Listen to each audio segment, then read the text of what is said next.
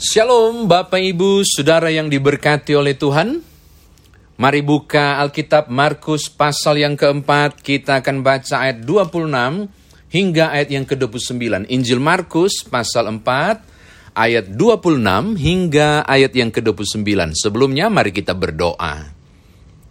Terpujilah engkau ya Bapa dalam Kristus Yesus sumber kehidupan. Hari ini kami mau mendengarkan firman-Mu Tolonglah kami agar lewat firman Tuhan yang kami baca karena hikmat yang Tuhan beri, kami semakin mengerti kebenaran dan melakukan kehidupan ini dalam kebenaran itu. Terpujilah nama Tuhan, layakkan hambamu dan semua yang mendengar firman Tuhan ini berada dalam kekudusan firmanmu. Demi Tuhan Yesus Juru Selamat firman yang telah menjadi manusia, kami berdoa. Amin. Injil Markus pasal 4 ayat 26 hingga ayat yang ke-29 saya bacakan untuk saudara. Lalu kata Yesus, Beginilah hal kerajaan Allah itu, seumpama orang yang menabur benih di tanah. Lalu pada malam hari ia tidur, dan pada siang hari ia bangun, dan benih itu mengeluarkan tunas, dan tunas itu makin tinggi Bagaimana terjadinya tidak diketahui orang itu. Bumi dengan sendirinya mengeluarkan buah. Mula-mula tangkailnya, lalu bulirnya, kemudian butir-butir yang penuh isinya dalam bulir itu.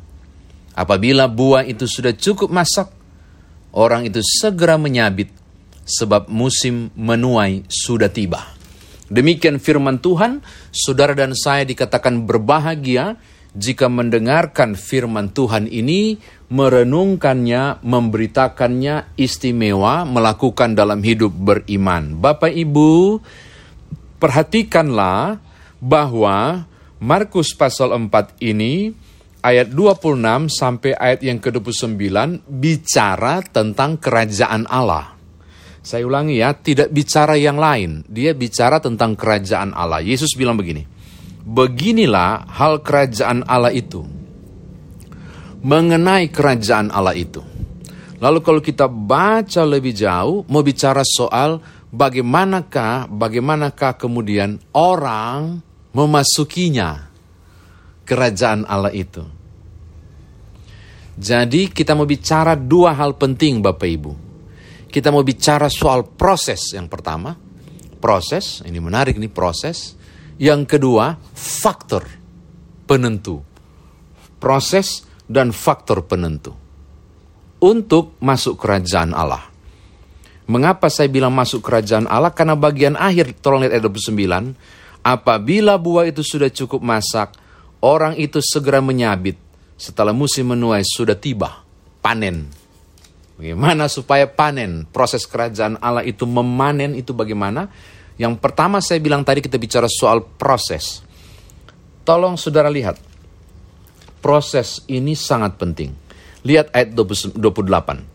Bumi dengan sendirinya mengeluarkan buah. Mula-mula tangkainya, lalu bulirnya, kemudian butir-butir yang penuh isinya dalam bulir itu. Ini bicara soal proses. Hal kerajaan Allah dan siapa yang memasukinya itu suatu proses. Proses dimulai dari bagaimana kemudian itu ditanam. Kalau saudara membaca uh, Matius 13, saudara akan menemukan ada yang di pinggir jalan, ada di batu-batu, ada di semak duri, ada di tanah yang baik. Bagaimana dia ditanam? Di media apa dia ditanam? Oke, okay?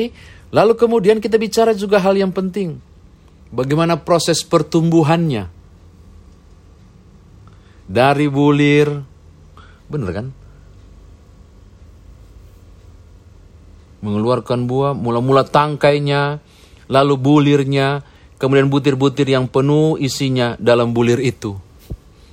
Nggak instan loh Bapak Ibu. Hal kerajaan sorga dan hal orang yang masuk di dalamnya itu proses tidak instan. Dan masing-masing jenis buah punya proses tertentu, punya lama tertentu. Tergantung tanahnya. Ada di pinggir jalan kah? di bebatuan kah, atau tanah yang baik. Tergantung juga saya kira penaburnya. Mau nggak dia mupuk? Iya dah? Mau nggak dia pupuk? Mau nggak kemudian dia oh, betul menyiapkan segala sesuatu? Tergantung juga si benihnya. Apakah dari dari awalnya karakternya udah baik dan benih itu benar-benar mau menyerap nutrisi yang ada. Tergantung juga benihnya. Apakah benihnya itu menyesuaikan dengan tanah yang kering, dengan pinggir batu, de dengan tantangan yang besar. Semua itu suatu proses untuk menghasilkan buah. Makanya ayat 28 ini bicara soal proses. Oke? Okay? Yang ketiga, kita bicara soal faktor faktor penentu. Bapak Ibu lihat, lalu pada malam hari ia tidur, dan pada siang hari ia bangun. Lalu benih itu mengeluarkan tunas, dan tunas itu makin tinggi. Bagaimana terjadinya tidak diketahui orang itu. Oh ini menarik loh Bapak Ibu. Faktor yang ditonjolkan oleh Yesus Kristus dalam perumpamaan ini adalah si penabur. Dia bekerja dari pagi sampai siang. Dia bikin pengairan. Dia kasih pupuk, dia proses semua, dia gemburkan, dia lakukan banyak hal dengan kesibukannya di siang hari. Tapi di waktu malam hari dia bikin apa? Dia tidur. Tidur adalah simbol tidak melakukan apa-apa. Tidur berarti tidak berupaya. Tidur berarti beristirahat. Pagi sampai siang, sampai sore dia bekerja, malam hari dia tidur. Lalu menarik Alkitab bilang begini, dan ketika dia bangun, benih itu mengeluarkan tunas. Dan tunas itu makin tinggi. Bagaimana terjadinya? Tidak diketahui orang itu. Yang pertama, kita dapat satu faktor penting. Faktor si penabur. Tadi saya bicara juga faktor tanah, faktor benih, toh? Dalam satu proses tadi. Faktor penabur sangat menentukan. Tetapi, tetapi, ketika Tuhan Yesus bilang, dia tidur, Pas waktu siang dia lihat sudah bertunas, bagaimana terjadi dia tidak tahu apa-apa, maka kita simpulkan ada satu faktor lagi. Penentu pertumbuhan untuk proses menuju kerajaan Allah. Faktor itu saya sebut dengan faktor X. Faktor nggak diketahui. Karena ayat 27 bilang bagaimana terjadinya tidak diketahui orang itu. Faktor X, faktor tidak diketahui. Nah sekarang mari kita cari tahu yang tidak diketahui ini. Apa faktor X itu? Tolong buka. 1 Korintus 3 ayat 6. 1 Korintus 3 ayat 6. Aku menanam, Apolos menyiram. Tuhan yang memberi pertumbuhan, kata Paulus. Aku menanam, Apolos menyiram. Itu kan mereka petani, mereka penabur toh. Nanam menyiram. Tapi yang memberi pertumbuhan ada faktor X. Faktor X itu adalah Tuhan yang memberi pertumbuhan. Nah, ini kita dapat. Jadi, selain upaya si petani yang menabur, menyiram, menggarap, memberi pupuk, selain juga faktor tanahnya, selain juga faktor benihnya, kepala angin nggak benihnya ini bersedia menyerap nutrisi nggak?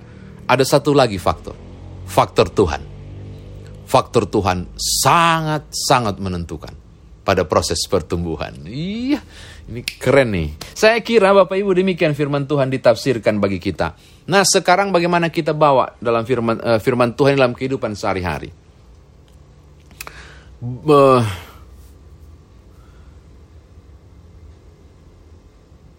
bagaikan bagaikan firman Tuhan demikianlah pertanyaan apakah benih itu bertumbuh bagaikan firman yang ditabur, apakah orang itu mengalami pertumbuhan?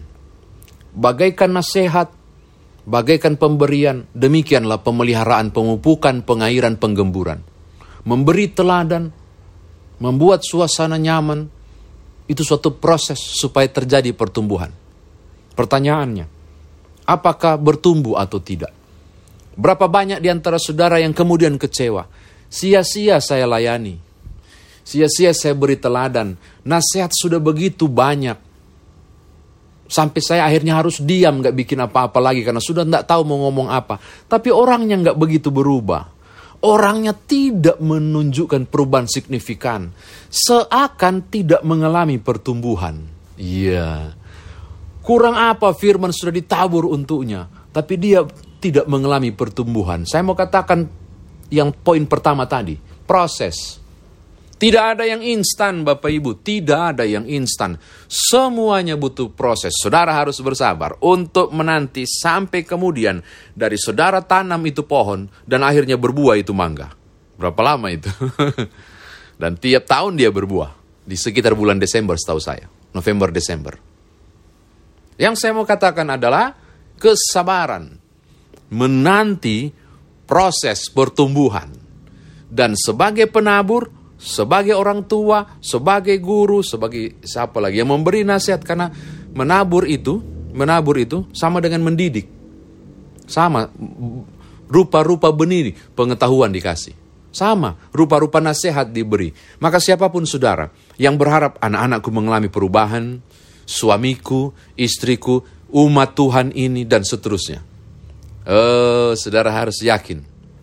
Saudara harus yakin seperti petani yakin bahwa benih akan bertumbuh. Begitu. Saudara harus optimis. Optimis bahwa semua akan jadi, semua akan bertumbuh. Harus begitu prinsipnya. Tapi saudara harus realistis, yaitu semua butuh proses. Butuh proses. Optimis bertumbuh, realista, realistis untuk mengakui itu suatu proses. Realistis yang kedua, ada loh benih yang gagal tumbuh. Ada, bukan enggak. Sehingga akan sampai pada titik saya sudah melakukan secara maksimal. Dan ternyata tidak ada perubahan. Bagian saya saya sudah kerjakan. Sudah. Sampai di situ karena sudah pakai realistis. Proses harus jalan. Realistis kedua, ternyata ada benih juga yang nggak bisa tumbuh. Jangan kecewa. Itu bagian dari proses kerajaan Allah. Proses. Proses kerajaan Allah. Yang kedua saya mau katakan kepada saudara.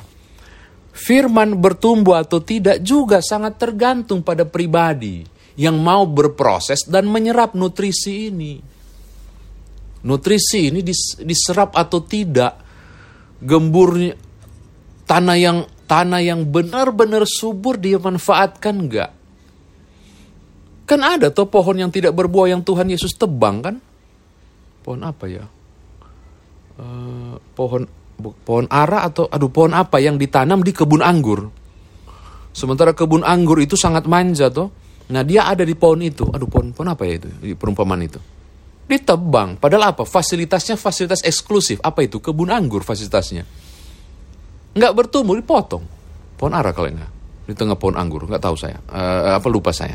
Penting Bapak Ibu, saya mau katakan. Juga tergantung. Tergantung pada pohon itu pada buah, pada benih itu, pada pribadi orang itu. Mau nggak dia serap nutrisinya dan mau nggak dia bertumbuh? Kalau nggak, ini juga satu bagian realita proses kerajaan Allah.